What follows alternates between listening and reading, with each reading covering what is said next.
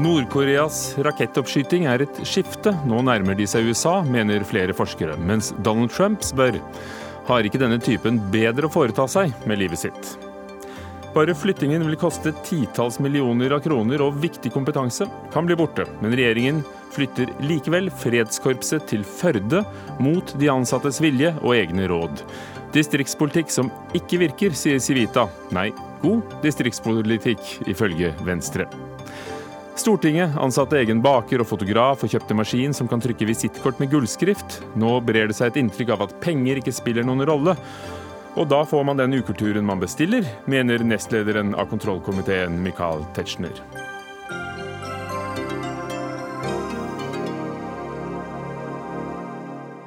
Velkommen til Dagsnytt 18 med Hugo Fermariello, hvor vi også skal høre om Tyrkias største opposisjonsleder, som klager president Erdogan inn for den europeiske menneskerettighetsdomstolen. Alt dette får vi plass til i en time her på P2 og NRK2. Nord-Korea kan være enda et skritt på veien mot å utvikle atomvåpen som kan ramme USA. En rakett har altså fløyet i 37 minutter ifølge amerikanske myndigheter, og landet i havet mellom Japan og Nord-Korea. Ifølge forskere viser eh, dette at eh, Nord-Korea har raketter som vil kunne nå Alaska på dette tidspunktet, men ikke de andre delstatene. Gro Holm, vår korrespondent i USA. Dette er jo 4. juli i dag. Eh, oppskytinger skjedde få timer før Amerikas uavhengighetsdag. Stjeler dette all oppmerksomheten? Nei, det gjør det ikke. Jeg tror at for veldig mange så er fortsatt eh, pølsekonkurransene, pølsespisekonkurransene viktigere enn den nordkoreanske oppskytningen. Men det er klart at på de viktigste fjernsynskanalene, de nasjonale fjernsynskanalene, så er dette hovednyheten og får mest oppmerksomhet. Men altså for vanlige folk så er nok eh, nasjonaldagsfeiringen det aller viktigste akkurat i dag. Russland og Kinas utenriksministre, og også på høyeste nivå, både Putin og president Xi Jinping, har gått sammen om et fredsinitiativ i løpet av dagen i dag. Og hva innebærer det? Ja, Det innebærer at Nord-Korea skal gå med på å fryse eh, den kjernefysiske prøvespregnings, altså testingen, og eh, prøveutskytninger av raketter. Mens eh, USA og Sør-Korea må forplikte seg til ikke å ha store militærøvelser i, i nærområdene, altså i regionen. Men dette er jo et russisk-kinesisk forslag, og et forsøk fra de to på å komme på offensiven foran G20-møtet til helgen, eller til som starter på fredag. Og det er eh, ikke noe Donald Trump eh, har vært med på øyensynlig, eh, og vil da trolig også bli møtt med en kald skulder herfra. For nettopp Trump tok hun løftet telefonrøret og ringte president Xi Jinping på søndag, i noe som blir beskrevet som en høflig, men ganske krass utveksling, og fortalte at USA kan, kan handle alene overfor Nord-Korea. Hva ligger det i dette? Altså Det som ligger under, er jo en trussel om eh, militære handlinger. Det er det USA tenker seg at de kan foreta alene. Eh, og, og den trusselen igjen har ikke så mye verdi for øyeblikket, fordi alle vet at hvis USA angriper Nord-Korea, så kommer Nord-Korea til å svare overfor Sør-Korea og kanskje også Japan. Og det ønsker jo eh, ikke sørkoreanerne, og slettes ikke USA heller. For da er man inne i et meget uoversiktlig farvann hvor det kan bli en ny Koreakrig. Det ønsker ikke USA. Det eh, amerikanerne kan gjøre i tillegg, eh, det er å innføre sanksjoner overfor kinesiske banker og eh, foretak som handler med Nord-Korea. De innførte veldig begrensede slike tiltak i eh, forrige uke med én bank, et foretak og to enkeltpersoner som handler med Nord-Korea. Det rammer jo da altså kineserne, og USA kan selvfølgelig også gå lenger. De har tidligere også rammet eh, noen russiske foretak som handler med Nord-Korea. Eh, men det er på en måte deres eh, fremste maktmiddel for øyeblikket, så lenge den militære opsjonen er, er urealistisk. Disse rakettoppskytingene har det jo vært flere av statlig TV i eh, Nord-Korea sier at dette er et strålende øyeblikk i landets historie, til glede for alle borgerne. Og så er det hektisk diplomatisk aktivitet på den andre siden. Målfrid eh, Braut eh, Hegghammer, førsteamanuensis ved Institutt for statsvitenskap ved Universitetet i Oslo. Denne raketten, sier altså forskere, viser at Nord-Korea vil kunne nå Alaska. Er det et skifte, eller er det bare show? Eh, jeg mener at dette her er en del av et større skifte som har spilt seg ut i løpet av denne våren, der vi får se det Nord-Korea ønsker å bruke sine kjernevåpen til, nemlig å bruke de som et pressmiddel i regionale konflikter. Men også nå med denne aller siste testen, så viser de at på et eller annet tidspunkt i nær fremtid så kan de nå det amerikanske fastlandet. Og det øker jo eh, risikoen og kostnaden potensielt for USA med å ta en eh, konfronterende linje opp mot Nord-Korea på sikt. Så jeg vil absolutt si at dette her er et viktig øyeblikk og potensielt et, et vannskille. Halvor Kippe, kjernefysiker og seniorforsker ved Forsvarets forskningsinstitutt.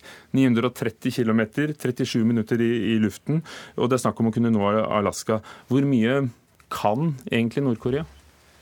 På missilsiden kan det egentlig ganske mye. Eh, vi vet jo ikke hvor mye vekt de frakta til denne avstanden. og Det er jo flytiden som du nevner som er det viktige her. Hvis de hadde strukket ut denne missilbanen, så kunne de i prinsippet ha truffet Alaska. Men kanskje det ikke var noen hjemme i nyttelastkammeret, kanskje bare var noen antenner for å sende signaler tilbake. Så vi kan ikke nå i dag si at de kan ramme Alaska med kjernevåpen. Men det er et veldig veldig viktig steg på veien til å ramme ikke bare Alaska, men også hele fastlands-USA.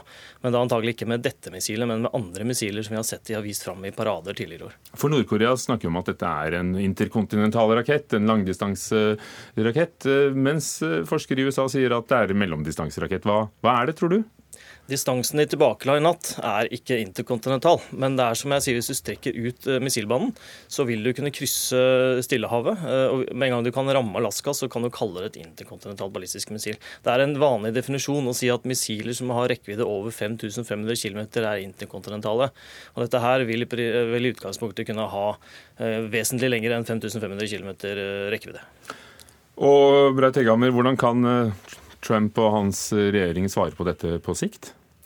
Eh, den mest umiddelbare utfordringen for Trump-administrasjonen er jo at eh, nå har eh, de blitt ydmyka egentlig i all offentlighet. Trump tvita jo i januar at Nord-Korea skulle ikke få utvikle en interkontinental missil, altså rakett. Det har de gjort, og i tillegg på en ganske symbolsk viktig dato også. Så den tilnærmingen som Trump og co. har hatt til nå med å øke press og være veldig konfronterende, den har ikke fungert. Eh, nå antyder Trump at han kan tenke seg å handle alene. Det er lite sannsynlig at noe positivt, konstruktivt kan komme ut av det. Ser, ser du det som en reell trussel? Ser du det som et forhandlingsutspill for å presse Kina til å, å, å legge mer press på Nord-Korea?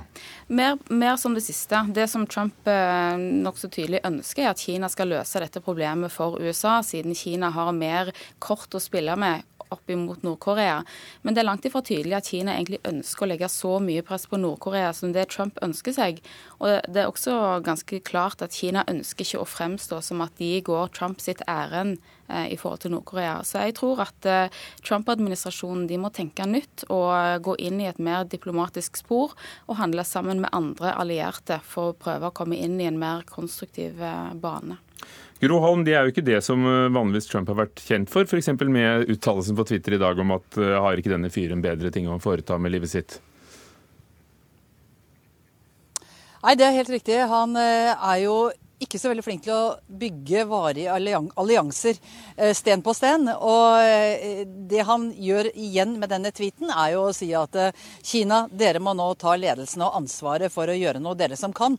Det han har ikke så veldig mye å gi til Kina. Han forsøker her med både pisk og gulrot, ettersom han innførte nye sanksjoner i forrige uke. Han, eh, amerikanske krigsskip seilte også veldig nær opp til noen øyer som Kina mener er deres, i Sør-Kina-havet. Det ble oppfattet som en provokasjon.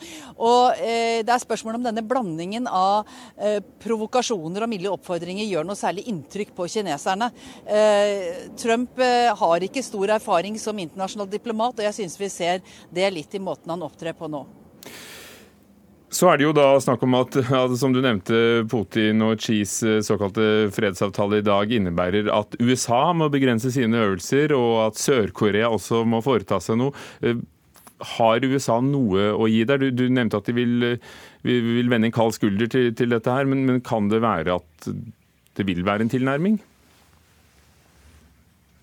Altså, dette er jo et initiativ som kommer da få dager for G20-møtet. Eh, og, eh, og, det er helt klart at med det her så er det, eh, så er det Russland og Kina som er på offensiven, og det er opp til Trump å svare. Det er et genialt trekk sånn rent diplomatisk sett.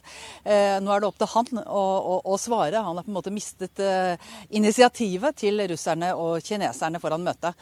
Eh, og det tror jeg også gjør at han veldig vanskelig kan si ja, men det er klart hvis eh, Russland og Kina sammen kan levere en, et løfte fra Nord-Korea om å innstille eh, testingen både av raketter og sprengladninger, så er det vanskelig for USA å avvise det helt. Ehm, jeg tror også at det er veldig vanskelig for USA å komme de i møte på dette her, fordi da vil de gi opp noe eh, til gjengjeld for at Nord-Korea skal la være å gjøre noen ting som USA har bedt de om å slutte med i utgangspunktet. Ehm, jeg tror også vi må, vi må tenke på at USA sin posisjon som alliert i Asia også står på spillet her. Hvis USA ikke ser ut som en sterk alliert for eh, bl.a. Sør-Korea og Japan, så vil det være svært bekymrende for, eh, for hele regionen fremover. Kippe, du nevnte at vi vet jo ikke hva disse rakettene har om bord, om det er noen små antenner. Eh, og, og, andre eksperter i andre land har, har stilt seg spørsmålet om de vil være i stand til å ha kjernefysisk eh, bomber og våpen om bord. Har de den kunnskapen, selv om de kanskje klarer å, å skyte raketten? Ja, Det er gjort en masse ting de trenger å få gjort for å være i stand til å skyte av gårde et kjernefysisk stridshode med hell. Men man kan på en måte ikke teste et sånt missil med skarpe stridshoder. Da vil man havne ut i ganske alvorlige problemer. Så man må da teste varmeskjold for seg, og kanskje skyte sånne juksestridshoder som er lagd av andre ting, men som har samme vekt og fasong. Opp i lufta, la det treffe atmosfæren og se om det blir rista i fillebiter. Det er en del sånne ting du kan gjøre, og som Nord-Korea har gjort. Og som gjør at det, det vil i hvert fall være uansvarlig for motparten å planlegge som om at Nord-Korea ikke makter dette. Kan USA forsvare seg mot eh, langdistanseraketter? For det, det ligger jo i bunnen her at det er det eh, som er da eh, avskrekkingen i disse eh, testoppskytingene. USA har jo i mange år jobbet med å utvikle et uh, missilforsvarssystem mot langtrekkende missiler av den typen der, for, altså for å beskytte fastlands-USA. Men dette her er jo noe som har pågått i mange tiår og kosta milliarder på milliarder av dollar. Det er dette rakettskjoldet som vi ja, har hørt om? Det er mange typer rakettskjold, men det som har holdt på så lenge, det er det for fastlands-USA som de fortsatt ikke har operativt. Og vi vet jo ikke når, når, og om det noensinne vil fungere mot alle typer sånne situasjoner. De har hatt noen vellykkede tester hvor de har visst hvor missilet har kommet, og med hvilken hastighet og hvilken høyde. hvor de har lyktes lyktes med å skyte ned ting. Men eh, det er langt derfra til å være operative mot enhver sånn type trussel. I motsetning til eh, noen grad det regionale missilforsvarssystemet som du finner i Japan og Sør-Korea.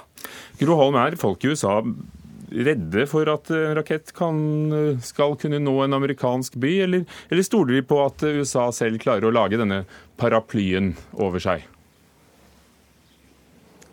Jeg tror ikke det er noen akutt angst her i USA. De Forskerne her og politikerne sier at det er nok eh, noen år, kanskje en tre-fire år fram i tid, før eh, Nord-Korea har langdistanseraketter som er i stand til å bære altså, eh, atomstridshoder om bord inn på det amerikanske fastlandet. Og Det betyr da at amerikanerne lever i nuet og, og er ikke overvettes eh, engstelige for at dette skal ramme dem med det aller første. Målfrid Breit Hegghammer, betyr det at det som lenge har vært et mål for eh, det internasjonale samfunnet, stormaktene og FN, at Nord-Korea må legge alle sine kjernefysiske ambisjoner til side, det, det kan de egentlig oppgi hvis de vil eh, komme noen vei. Det kommer ikke Nord-Koreas leder til å gjøre, og har kanskje ikke noen interesse av det heller? Jeg tror at den nye realiteten vi må forholde oss til, er at Nord-Korea har eh, kjernevåpen og snart eh, raketter, både på mellom- og langdistanse. Eh, og jeg tror at det er en realitet som de som ønsker å forhandle med Nord-Korea, må ta inn over seg. Eh, selv om man kan ha som mål å legge frys eller begrensninger på programmet. Noen, eh, kanskje Kina, ønsker kanskje til og med å være mer ambisiøs enn det. og få eh, Nord-Korea til å rulle tilbake dette programmet i enda større grad, så tror jeg at man må innse at vi har et annet utgangspunkt nå enn det vi hadde for et par år siden. Mm. Takk skal dere ha, alle sammen. Målfrid Braut Hegghammer, førsteamanuensis ved Universitetet i Oslo. Gro Holm, vår USA-korrespondent. Halvor Kippe ved Forsvarets forskningsinstitutt. Dagsnytt 18 alle hverdager kl 18.00 på NRK P2 og NRK2.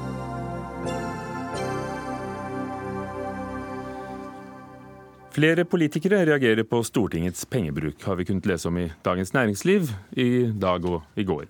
Samtidig med, samtidig med, at byggeprosjektet ble mange hundre millioner kroner dyrere enn planlagt, altså denne innkjøringen, garasjen og kontoroppussingen, har Stortinget ansatt en egen baker, husfotograf og anskaffet en maskin til 1,6 millioner kroner som kan trykke visittkort med logo i gull. I tillegg har antall sjefer på Stortinget økt fra 30 i 2010 til 38 nå. Og på fire år har budsjettet økt fra 736 millioner kroner til 905 millioner. Ida Børresen, direktør på Stortinget. Bruker dere for mye penger? Det kan man jo alltid spørre om, men jeg mener jo ikke det. Og jeg mener jo ikke at disse eksemplene her i det hele tatt er eksempler på at vi bruker for mye penger. Eh, det er eksempler som er tatt ut av sin sammenheng. Og jeg har lyst til å understreke med en gang at dette er ikke noe visittkorttrykkemaskin, som ganske mange medier har, eh, har fremstilt det som. Eh, det, er, det dreier seg om en utskifting av en trykkemaskin. Stortinget har eget trykkeri trykker veldig mye selv, men setter også veldig mye trykking ut. Og når vi da skulle skifte ut denne maskinen, så uh, anskaffet vi da en maskin som også kunne trykke gull, fordi det er en av fargene i vårt, vår nye grafiske profil. Og all gulltrykk har vi tidligere satt ut og måtte betale penger for. Det er flere som har kritisert pengebruken, uavhengig av detaljene i den og hva det har gått til. Blant andre Marit Arnstad i Senterpartiet og Michael Tetzschner, som leder kontrollkomiteen og er fra Høyre. Tetzschner sier til Dagens Næringsliv at han mener at veksten i antall ansatte, og vi skal høre ham snart, og toppledere peker klart mot at en organisasjon som grunnleggende er til for å skape gode rammer for 169 folkevalgte, er i ferd med å miste sitt grunnleggende oppdrag av syne. Hva sier du til den uttalelsen og den kritikken som ligger i det? Ja, jeg er helt uenig i dette. Vi kan gjøre veldig godt rede for den veksten som har vært i stortingsadministrasjonen, eh, som eh, dreier seg i hovedsak om stillinger til sikkerhet og IT. Sikkerhet skulle jeg gjerne vært foruten, for å si det sånn, men slik er ikke verden. Så vi må eh, ansette flere sikkerhetsfolk, dessverre. IT er jo en veldig viktig ressurs for Stortinget. Eh, hele Stortingets virksomhet baserer seg på eh, systemer som styrer hele den parlamentariske virksomheten, og også eh, yter mange tjenester til parlamentarikerne. Og vi har foretatt en fullstendig opprustning og er i ferd med en helt ny modernisering av vår IT-portefølje, og det er utrolig viktig. Hadde vi ikke gjort det, så hadde det om noen år stått helt stille på Stortinget. Det er naturlig at du som direktør for Stortinget ikke, ikke møter en debatt med politikere, så, så, derfor er det sånn at vi etterpå skal, skal, høre en politiker. Men når folk sier at det er en ukritisk bruk av penger, så har jeg lyst til å spørre deg, hvordan skjer bruken av penger? Hvordan kan du disponere midlene til det du mener er nødvendig? Ja, For det første så er det jo sånn at uh, jeg legger et budsjett som jeg får uh, godkjent av presidentskapet. Uh, og det vedtas jo, og da foreslår da presidentskapet dette for Stortinget i plenum, som vedtar det. Og så er det da Frem til nå har det jo vært kontrollkomiteen som har vært budsjettkomité for Stortinget, så de behandler jo da Stortingets budsjett. Så alt er jo vedtatt av Stortinget, og de rammene må jeg selvfølgelig holde meg innenfor. Men har det da vært nødvendig mener du, å øke fra 736 millioner kroner til 905 millioner kroner på fire år? For, for det virker mye? Det virker mye, men inni der så ligger det jo to store beløp som, som ikke har med noen ting å gjøre, hadde nær sagt, annet enn at man har eh, nå lagt inn en momskompensasjon. Så det er en sånn teknisk løsning som, eller endring som eh, Finansdepartementet har, har lagt inn. Og også pensjoner eh, som, ikke, som, før gikk over Statens pensjonskasse. Så, så det, er ikke, det er veldig mange forklaringer på det som ikke går på vekst i aktivitet. Men det som har vært, er jo vært en stillingsvekst på enkelte områder som jeg mener er helt nødvendig. Fra 30 til 38 sjefer, er det sjefer dere trengte flere av? Ja, så Stortinget hadde veldig få ledere i forhold til eh, f.eks. andre virksomheter i staten. Eh, nå ligger vi omtrent akkurat på snittet, litt under, tror jeg. Og vi hadde eh, ledere som hadde et veldig stort kontrollspenn, skulle lede 30-40 eh, medarbeidere. Eh, og vi hadde store og viktige oppgaver som ikke hadde nok ledelsesoppmerksomhet, f.eks. anskaffelser og økonomi. Dette er de store linjene, pensjonene og, og, og, og budsjettprosedyrene. For å ta de små detaljene. Marit Arnstad sier til Dagens Næringsliv administrasjonen synes ikke det holder med vafler lenger, men vil heller ha franske makroner med stortingsløven på. Eh, og du sier til avisen at bakgrunns- og ansatt ikke har bakt en eneste makron. Men er det noe med nøkternhet, som også kunne vært et greit symbol. Hadde vafler holdt for å holde med Arnstads symbolbruk? Jeg er helt enig i at uh, hvis det var riktig, så høres det ut som vi sløser med penger. Men uh, vår baker, da, som ikke er, er ikke noen konditor, det er en baker som baker det daglige brød, vil jeg si, til stortingsrepresentanter og ansatte. Det er 850 mennesker som hver dag har sitt virke på Stortinget, så det er ganske mye brød og rundstykker som skal bakes. Uh, og vi ansatte en baker som hadde da en bakgrunn fra stordriftskjøkken, som vi ikke hadde. Vi hadde ikke den kompetansen før, og trengte den. Eh, så dette er ikke en konditor. Han har ikke bakt en makron. I den grad vi har servert makroner, så har vi kjøpt dem, og jeg vet ikke om noen makroner med stortingsløve på. For å ta de punktene som kommer til å komme opp, og som er blitt uh, omtalt. For, i forrige periode, Inntil forrige periode hadde dere ikke en egen informasjonsavdeling. Nå har dere en med tre ansatte. Hvorfor trenger dere det? For hvert parti har jo sine informasjonsfolk. Informasjonsavdelingen har mye mer enn tre ansatte. Vi hadde en veldig stor avdeling som het eh, Jeg husker ikke lenger hva den het, men en veldig stor avdeling med åtte seksjoner som vi har delt i to, og hvor vi da har tatt ut kommunikasjonsdelen i den ene. Så, eh, og det dreier seg om Der ligger trykkeriet, der ligger hele vår besøk- og formidlingsseksjon, der ligger hele nettjenesten vår. Så denne omtalen handler litt om ordbruk? Ja, det mener jeg. Jeg mener at, eh, at, det er veldig mye her som viser at eh, altså, disse tingene er tatt litt ut av sammenhengen. Eh, F.eks. dette med fotografen. Så har vi tidligere leid fotograf i dyre dommer. Det har også betydd at veldig mange I dyre de, dommer, Dere har vel brukt anbud slik at prisen ble riktig? Jo, selvfølgelig. Men det koster jo mer enn å ha en egen ansatt fotograf. Og også det at at eh, vi ikke har fått dokumentert alle aktivitetene eh, som foregår på Stortinget. og Det tenker jeg er ganske viktig. Stortinget er jo det viktigste institusjonen i vårt demokrati. Og det er viktig å dokumentere det som foregår her. Og da og sier Marit Arnstad at hun fikk nei til å bruke den egne fotografen når de skulle ha partitoppene på bildet. Ja, det er litt rart, for den henvendelsen har ikke vi fått, da. Så det er nå det. Der blir det ord mot ord. Men ja. Du er blitt pålagt eh, et effektivitetskutt på 2,5% og stillingsstopp. Og når du snakker om de behovene som du har gjort her, hvordan skal du klare å spare inn 2,5% Jo, det skal jeg klare. Og eh, det er klart at eh, vi har et stort budsjett, og det er jo manøvreringsmuligheter innenfor det. Så det har jeg sagt at det skal vi klare. På samme måte som resten av staten har fått et effektiviseringskutt på 2,5% så skal vi også klare det. Og da blir det vafler igjen? vafler har vi hver dag. Takk skal du ha, Ida Børresen, direktør på Stortinget. Nestleder av Stortingets kontrollkomité, Michael Tetzschner fra Høyre. Hva er Stortingets pengebruk et symbol for, slik du ser det?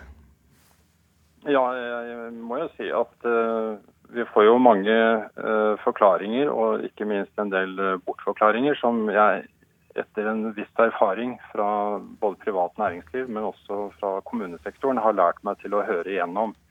Og dette er liksom Alt skal bli dyrere, og at man må ansette stadig flere. Det er ofte tegn på at man ikke har eh, styring i organisasjonen. og da er det jo er det jo slik at Noen av oss etterlyser da det som er grunnideen for Stortingets administrasjon, nemlig at den skal gjøre de 169 representantene mest mulig operative og etablere en god ramme rundt dem, så de er effektive som representanter for folket. Men nå er du da nestleder i kontrollkomiteen, og det er jo dere som da har et oppsyn med dette. Eh, hvorfor har ikke dere grepet fatt i dette tidligere? Fordi eh, vi er jo vanligvis vant til på Stortinget når vi jobber de tolv komiteene med hvert vårt budsjettområde, at det kommer fullstendig informasjon.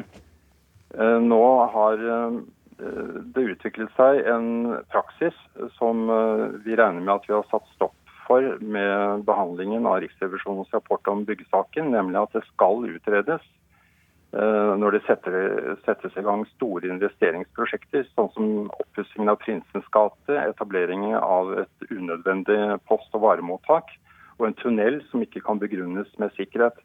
Jeg ser også at det er de gjennomgående bortforklaringene her, at det er IT og, og sikkerhet eh, som da skal eh, gi en slik tvangstrøye for ressursbruken. Men, men, er det da denne store saken med tunnelen, kontoroppussingene, eh, hvor budsjettet har sprukket, og det har vi diskutert eh, her før også, og det har gått fra, fra et vanlig anstendig budsjett til, til, nærmere to milliarder, og, og kontrollen har tydeligvis ikke vært ivaretatt. Men er det derfor du uttaler deg negativt om, om stillingsøkningene, om trykkemaskinen? Ja, Når det gjelder stillingsøkningen, så er det jo noe det har vært snakk om uh, lenge på Stortinget. Også blant de som er uh, ansatte, og, og som uh, er forundret over hva som skjer. Og det kommer jo selvfølgelig også som drypp til oss folkevalgte.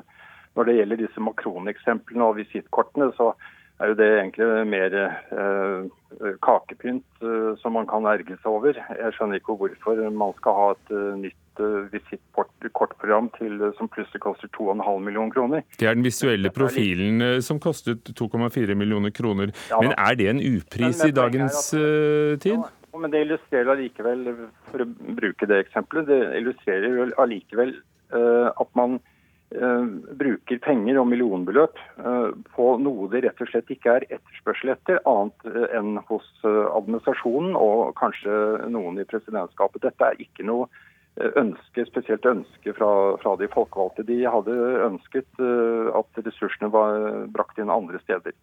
Michael Tetzschner, betyr det at. Stortingets budsjett har jo da vokst som vi nevnte, fra 736 millioner kroner til 905 millioner kroner på fire år, og vi fikk da forklaringer, som du kaller bortforklaringer, på, på, på hvorfor. Men det er jo da Stortinget som stemmer over dette. Har du da stemt imot disse økningene i de siste fire årene? Vi har eh, med store reservasjoner ved de siste budsjettbehandlingene eh, og også måttet gå til det skritt at vi måtte be Riksrevisjonen eh, om å gå inn i byggesaken, rett og slett fordi det ikke var mulig å få ut opplysninger som var fyldestgjørende fra administrasjonen. Nå snakker du om byggesaker, men når det gjelder økningen av driftsbudsjettet, som du da også har kritisert, har du da stemt imot den årlige økningen som har vært? Nei, det kan du eh, si at vi ikke har. Men det er jo nettopp også fordi vi har lenge slått oss tåls med de forklaringene som har kommet.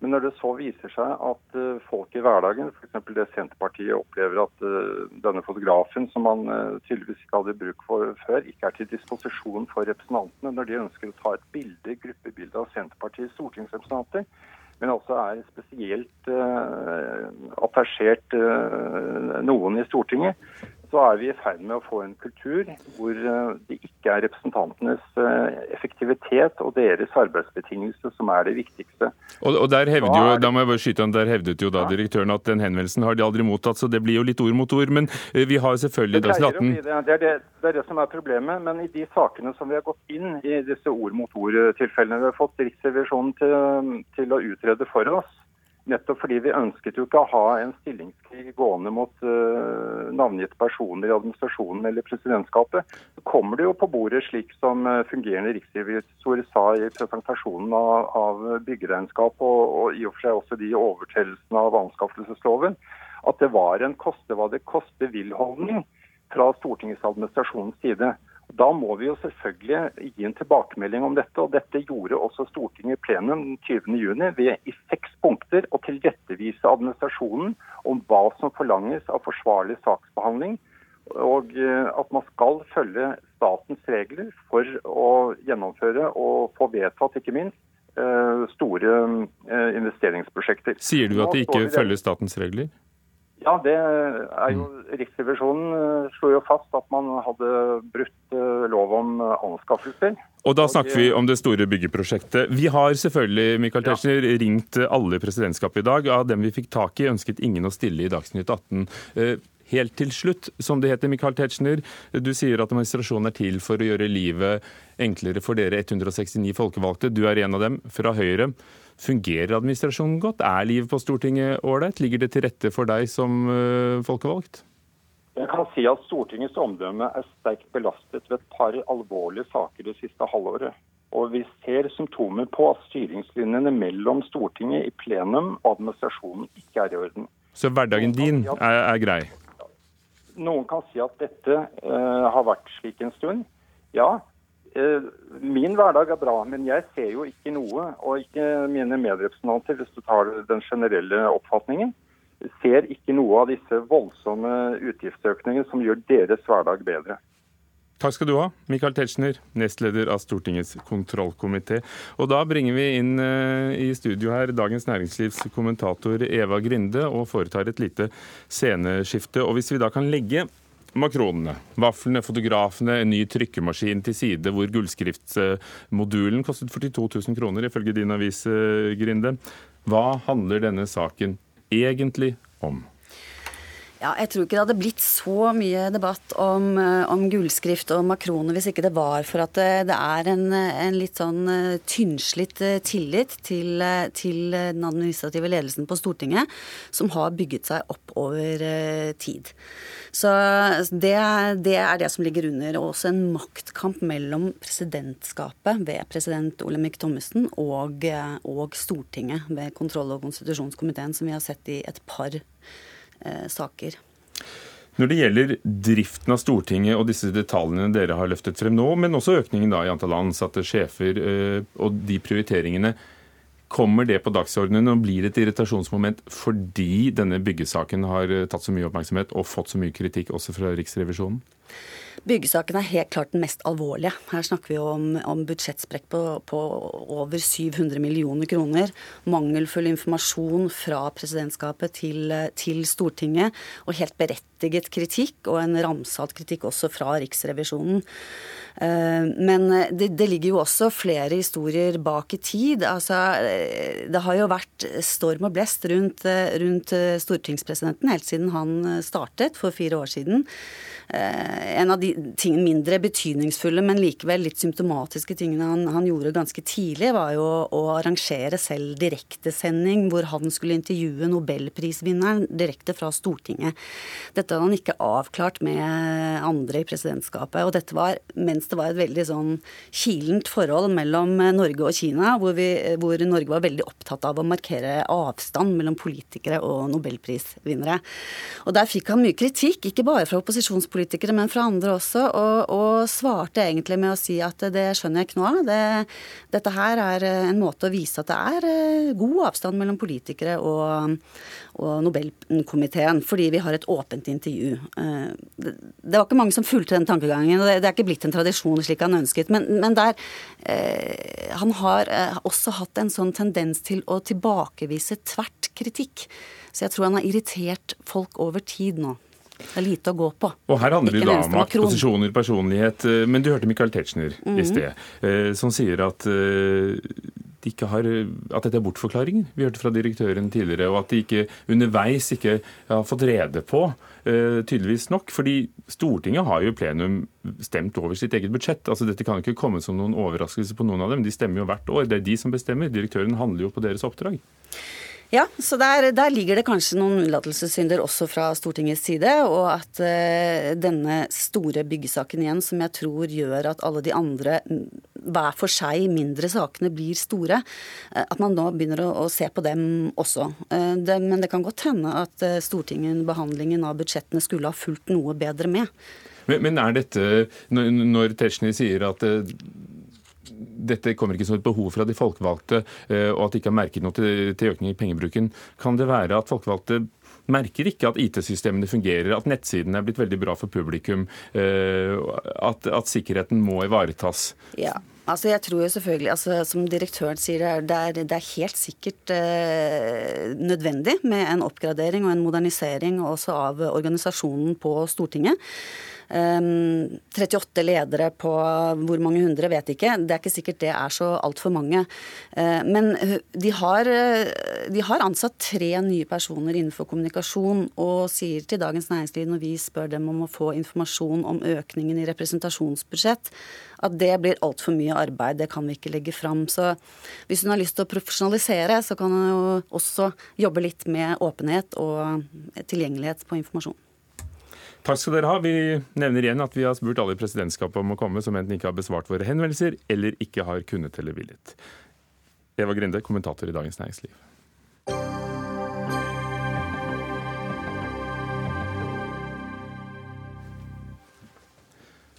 Fredskorpset har eh, strittet imot, men 20.6 i år ble det klart. Fredskorpset skal flytte fra Oslo til Førde, antageligvis uten mange av de 40 ansatte. Utenriksdepartementet har selv funnet ut at denne flyttingen til Førde var det dyreste alternativet. Stavanger og Trondheim ble også vurdert. Og også det som gir dårligst tilgang til de riktige medarbeiderne. Men Distriktspolitisk er det det beste, mener regjeringen, med støtte fra Venstre. Og dette Fredskorpset det legger altså til rette for utveksling mellom bedrifter og organisasjoner eh, i Norge og land i Afrika, Asia og Sør-Amerika, og er en del av UD, en etat under UD. André Skjelstad, stortingsrepresentant fra Venstre. Dere har jo jobbet for å få flyttet Fredskorpset til Førde, det mest kostbare alternativet, som også vil, vil gi dårligst tilgang på kompetanse. Hvorfor eh, har dere valgt det? Eh, Venstre har hele tida ønska å legge flere statlige arbeidsplasser utenfor de største byene. Og Dette er bl.a. for at det gir også størst effekt når vi flytter til mindre steder som eh, Førde eksempelvis, enn eksempelvis eh, Tromsø. Så Dette har vært viktig for oss i forhold til det. og så har vi jo sett... Men Fredskorpset, er det viktig hvordan de fungerer? Det er viktig selvfølgelig hvordan Fredskorpset fungerer. Og vi mener at de vil kunne fungere like bra i Førde. Altså, og som du sikkert har lest også rapporten, så er jo mye av det som legges opp til det er mer digitalisert. Og da vil det fungere utmerket også i Førde, på lik linje som vil fungere på andre plasser i landet.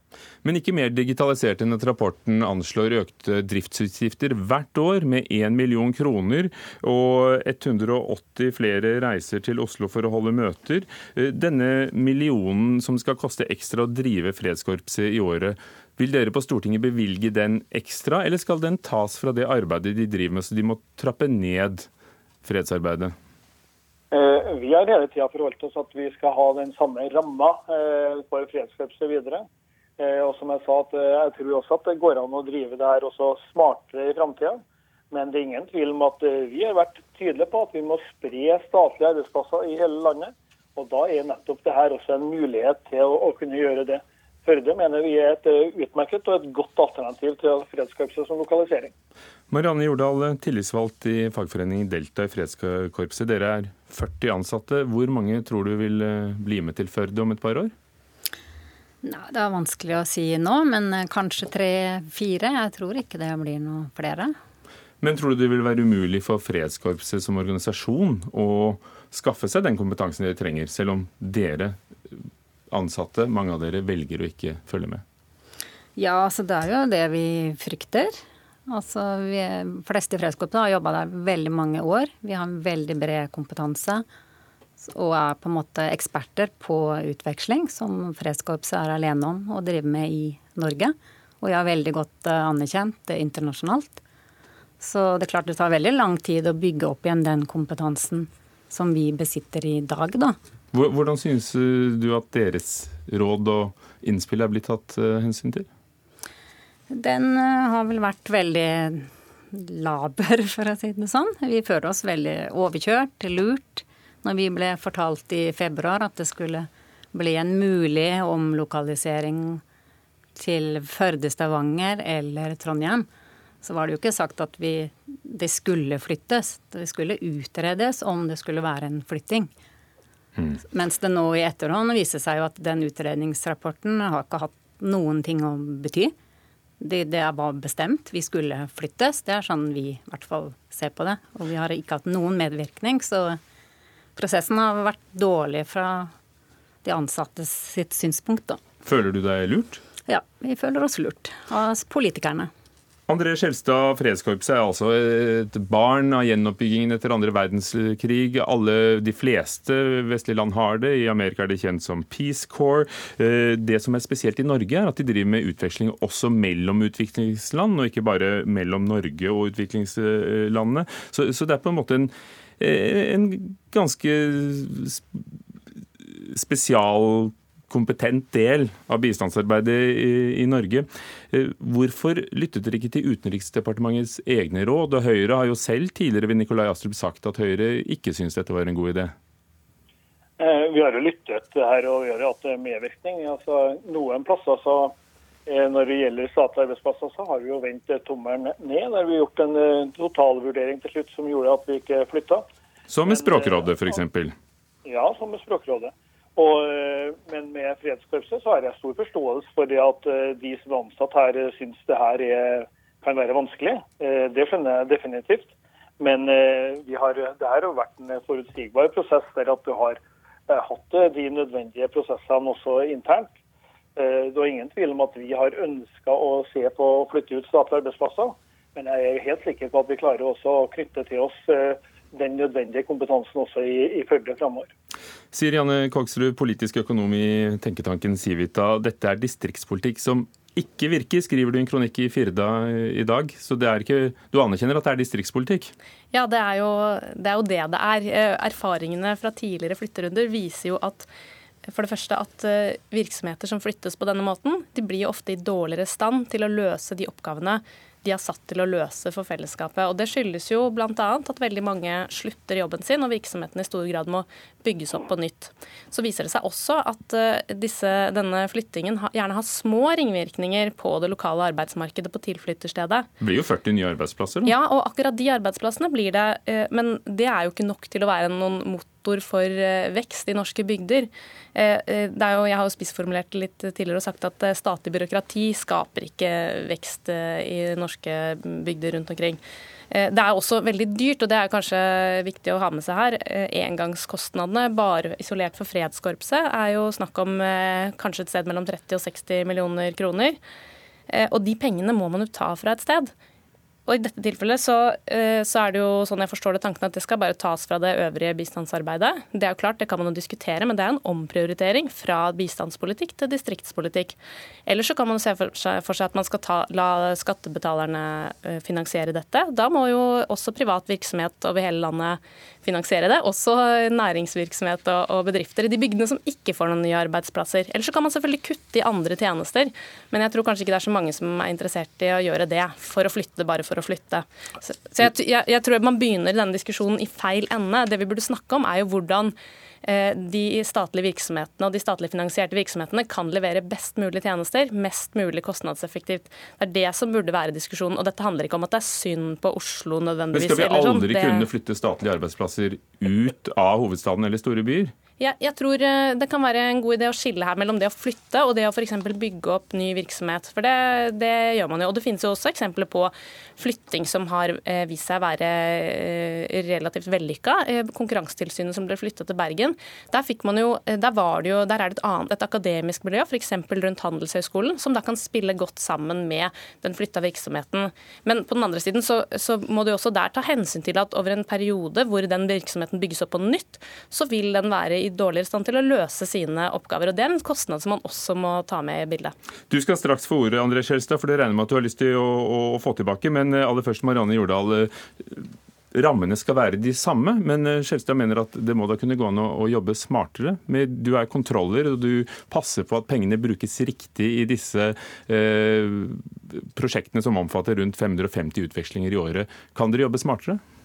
Vi kan sikkert jobbe smartere, men altså reisevirksomheten i Fredskorpset er jo stor. Vi må ut til partneren. Vi kan ikke sitte på en PC hjemme og se om de bruker pengene sånn som de skal. Du må virkelig ut i felt. Og vi har mange kursdør som holdes i utlandet. Vi kan ikke gjøre alt det digitalisert. Altså, vi skal serve partnerne og de som skal på utveksling. Så vi kan ikke sitte bak en PC og tro at Fredskorpset skal bli sånn som det er nå. Da må politikerne tenke om igjen. André Skjelstad, er det, en, er det politikk eh, det lukter av her? Fordi det er jo ingen tvil om at i Førde er det ingen internasjonale flyforbindelser. Eh, sånn at all denne reisevirksomheten må jo da foretas eh, via Oslo eller andre, andre steder. Er dere med på å bygge ned Fredskorpset? Eh, vi gjør definitivt ikke å bygge ned eh, fredskorpset. Eh, selvfølgelig skal folk fortsatt drive reisevirksomhet, det er jo ikke noen tvil om. Men jeg har lyst til å lytte innom det som Koksrud var innom her, med at hvis vi da ikke velger å flytte statlige arbeidsplasser ut, så vil den jo hele tida da bare sentralisere der det, altså vil det si de store byene. En del av det grepet her er faktisk for å bygge opp kompetanse i hele landet. Så sier hun da i tillegg at en kan bygge opp ny statlig virksomhet. Jo, men Det er jo litt av poenget at hvis vi skal effektivisere Norge, så kan det jo ikke være hensikten at vi skal bygge opp hele tida nytt. Da er det jo handler om også å effektivisere det vi per i dag har. Og jeg må jo si at jeg blir jo litt overraska over det at hvis en da ikke er villig til å se på muligheten da til å spre kompetanse i hele landet, eh, så vil det her bare bli sentralisering som da bare skyter fart. For det her er nettopp å bygge opp under eh, sterke regionsentra. Er det også med på å bygge opp at Venstre vil få flere stemmer fra Førde for å få inn Sveinung Rotevatn som representant, f.eks.? Eh, Sveinung Rotevatn er en utmerket kandidat, og jeg, jeg, vet ikke om han vil få mer eller mindre stemmer i forhold til her. Du tror ikke at dere vil få flere stemmer fra Sogn og Fjordane når dere flytter 40 arbeidsplasser dit? Ja, altså, det er selvfølgelig en mulighet, men det her er en plan som vi har hatt over tid. Med å nettopp kunne spre kompetanse i hele landet. For at vi mener at det er viktig for å bygge den kompetansen. Og, og, og for å se litt bildet litt større her. Altså To trepart av ungdommen i dag tar høyere utdanning. Eh, hvis det da skal være mulighet også for framtida for dem, for alternative jobber ute i distriktene, så er vi nødt til også å være villige da, til å bygge opp sterke kompetansenav i hele landet. Og sier Janne Koksrud, skal det aldri være mulig? Eh, jo, det kan noen ganger være mulig, men jeg syns vi skal være mest opptatt av hvordan vi effektiviserer byråkratiet, og, eh, og, ikke hvordan vi bruker masse penger på å flytte det bare for å flytte det. Eh, så, og så er jeg for så vidt enig med, med Skjelstad i at ja, det vil gi størst distriktspolitisk effekt å flytte til et minst mulig sted. Og dette handler jo ikke om at det er noe galt med Førde på noen som helst måte, der er det masse kompetanse, men det handler om hvordan vi forvalter våre felles ressurser, og hvordan vi tar et steg tilbake og ser på hvordan vi både kan gjøre det mest mulig effektivt, og også spørre oss selv er dette virkelig det beste distriktspolitiske virkemidlet vi har. Takk skal dere ha for at dere var med og diskuterte. Anne Siri Koksrud Bekkelund, Marianne Jordal og André Skjelstad fra Venstre med på telefon.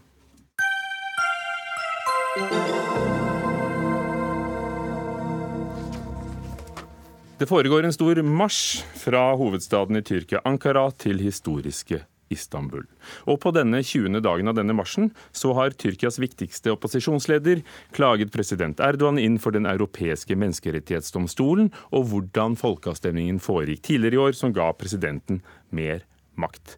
Denne opposisjonslederen heter Kemal Klitsjdarolo og har marsjert allerede i mange dager på veien de 425 km. Sissel Wold, eh, korrespondent i Istanbul. Eh, hvem er de som går?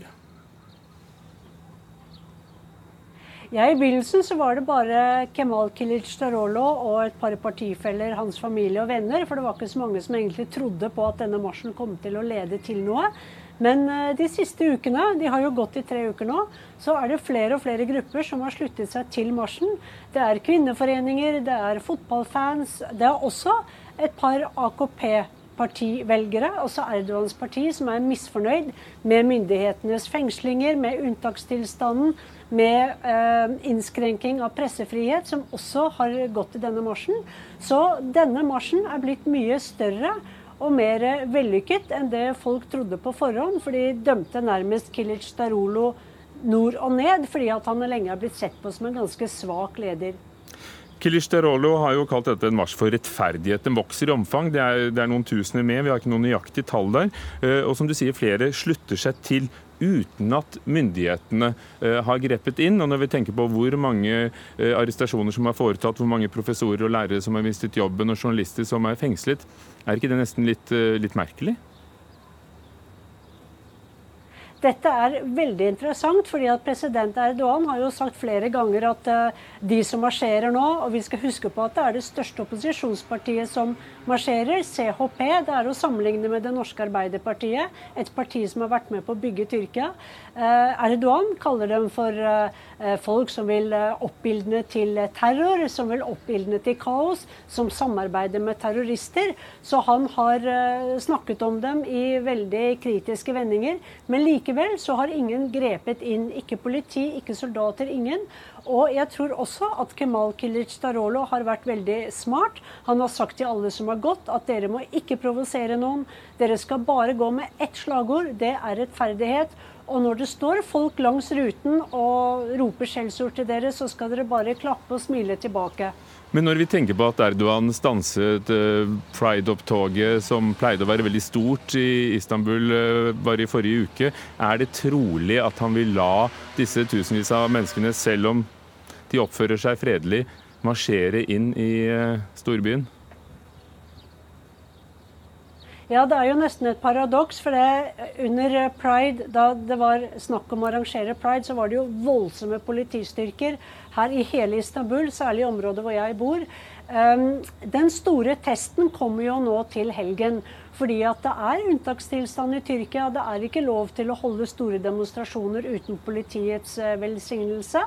Uh, og nå kommer de til å marsjere til det fengselet i Maltepe på Asiasiden her i Istanbul, hvor Eh, Enis eh, Berberolo sitter. Og denne marsjen handler jo nettopp om Berberolo, som er nestleder i partiet, som er en kjent pressemann.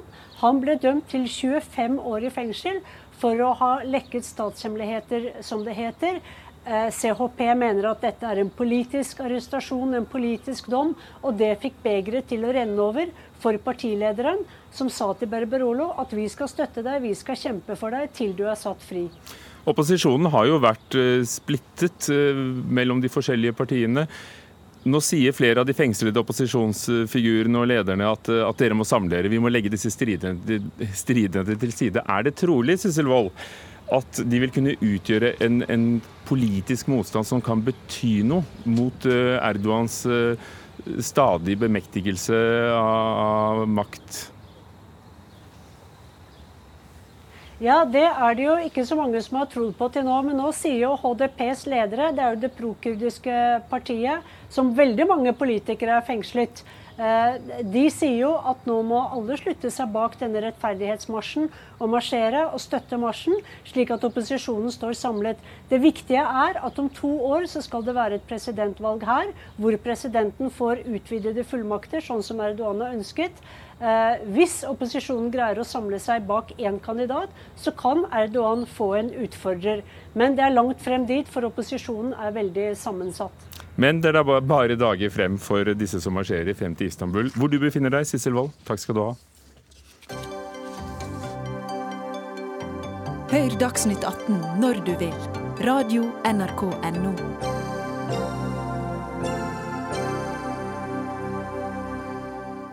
Datatilsynet ga i går en bot på 75 000 kroner til en mann som ble utsatt for et tyveri, etter at han publiserte et bilde av de antatte gjerningsmennene på Facebook. Denne verkstedseieren i Kristiansand ble frastjålet et stillas til en verdi av rundt 50 000 kroner, men politiet kunne ikke hjelpe, og dermed tok eieren saken i egne hender og la ut dette bildet fra overvåkningskamera av to menn som angivelig stjal fra verkstedet hans, og i innlegget ba han om hjelp til å finne personene og identifisere dem.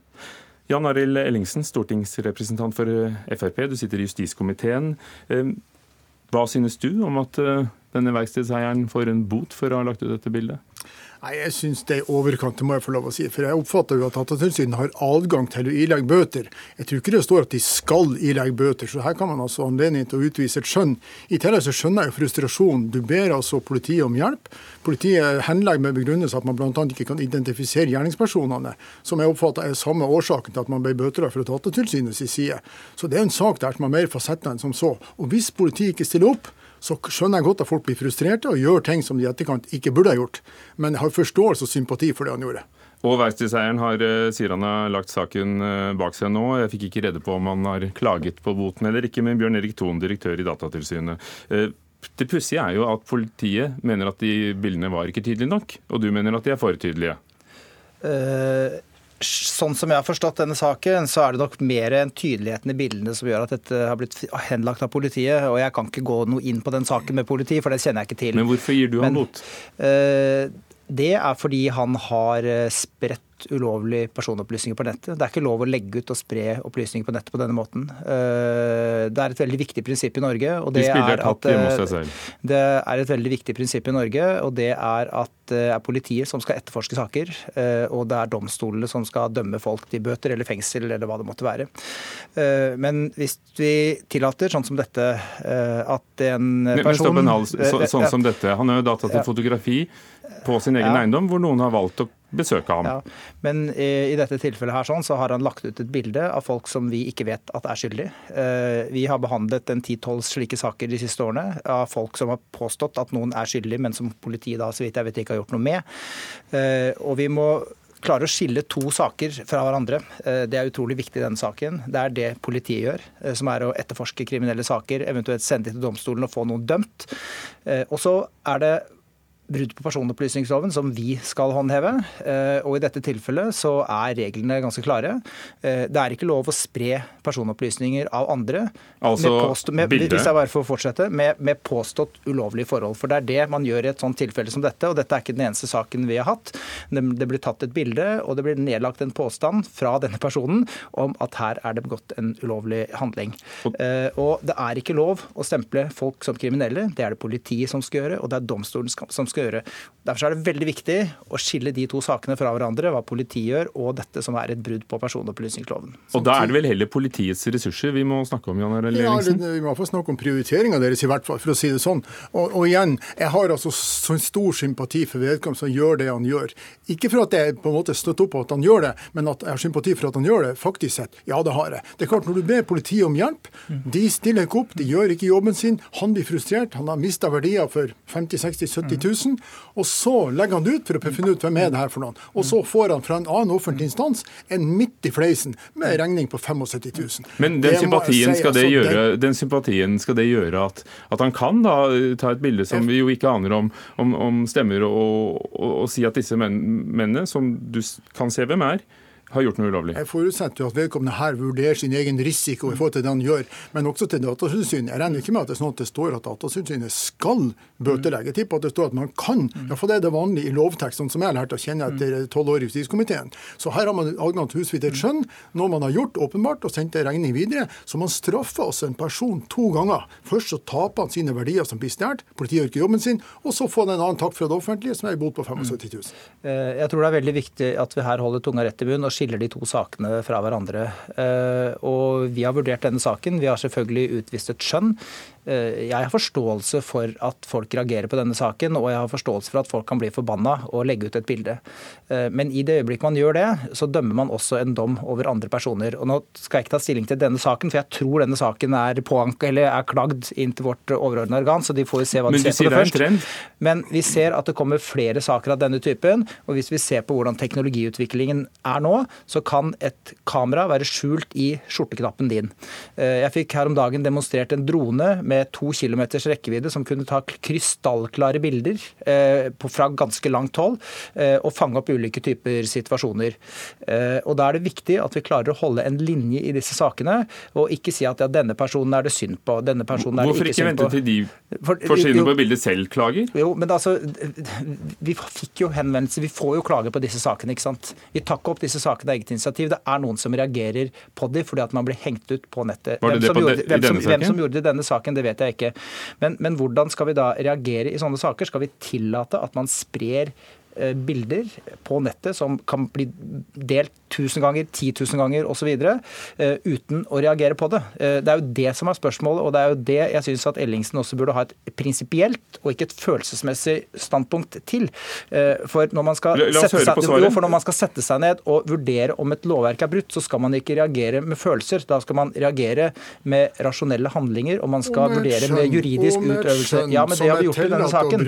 både i din, i den, mm. din posisjon og steder. Igjen, igjen, igjen. Faktum, faktum er at politiet kunne håndtert denne saken på en helt annen måte. Da har vi sluppet alt det som har skjedd i etterkant. Hadde de røkket ut, har de på en måte kunnet brukt det som fantes av bevis, og på en måte pågrep i beste fall, og kjørt saken videre. Så har de fått en annen, en annen eh, endelikt enn det den nå gjør. Her har vi en fyr som blir megafrustrert. Dere har jo justisministeren at, selv ja, i Fremskrittspartiet. Har dere ikke satset nok på politiet? Jeg tror ikke han opererer som dommer eller noe sånt. Håper jeg kan gjøre det i hvert fall. Altså, Bevilgningene til norsk politi er styrka, men det er jo ikke sånn at Stortinget skal detaljstyre norsk politi. Men Ton følger jo også et lovverk og et regelverk. Og skal man på bakgrunn av som, følelser som, reagere nei, det tror jeg ikke han gjør, men jeg vil tippe at i det lovverket han sitter og forvalter, så vil det stå noe hva slags skjønnsadgang han har mulighet til å utvise, for å si det enkelt. Og det, Sånn er det i alle, alt lovverk etter mitt skjønn. Selvfølgelig så er det en skjønnsadgang, men i mange av disse sakene, og jeg vil ikke konkret kommentere dette, så er det veldig klart at det har skjedd et lovbrudd. Og vi, vi, kan ikke, vi, kan ikke, trekke inn i skjønnsutøvelsen vår at det er en person som det er synd på, eller at det er en anmeldelse som har blitt, som har blitt henlagt. Og vårt ikke gjøre. takk til dere, Bjørn Erik Thon og Jan Arild Ellingsen. Fredrik Lauritzen var ansvarlig for Dagsnytt 18. Frode Thorshaug, teknisk ansvarlig. Ugo Fermariello, programleder. Takk for i dag.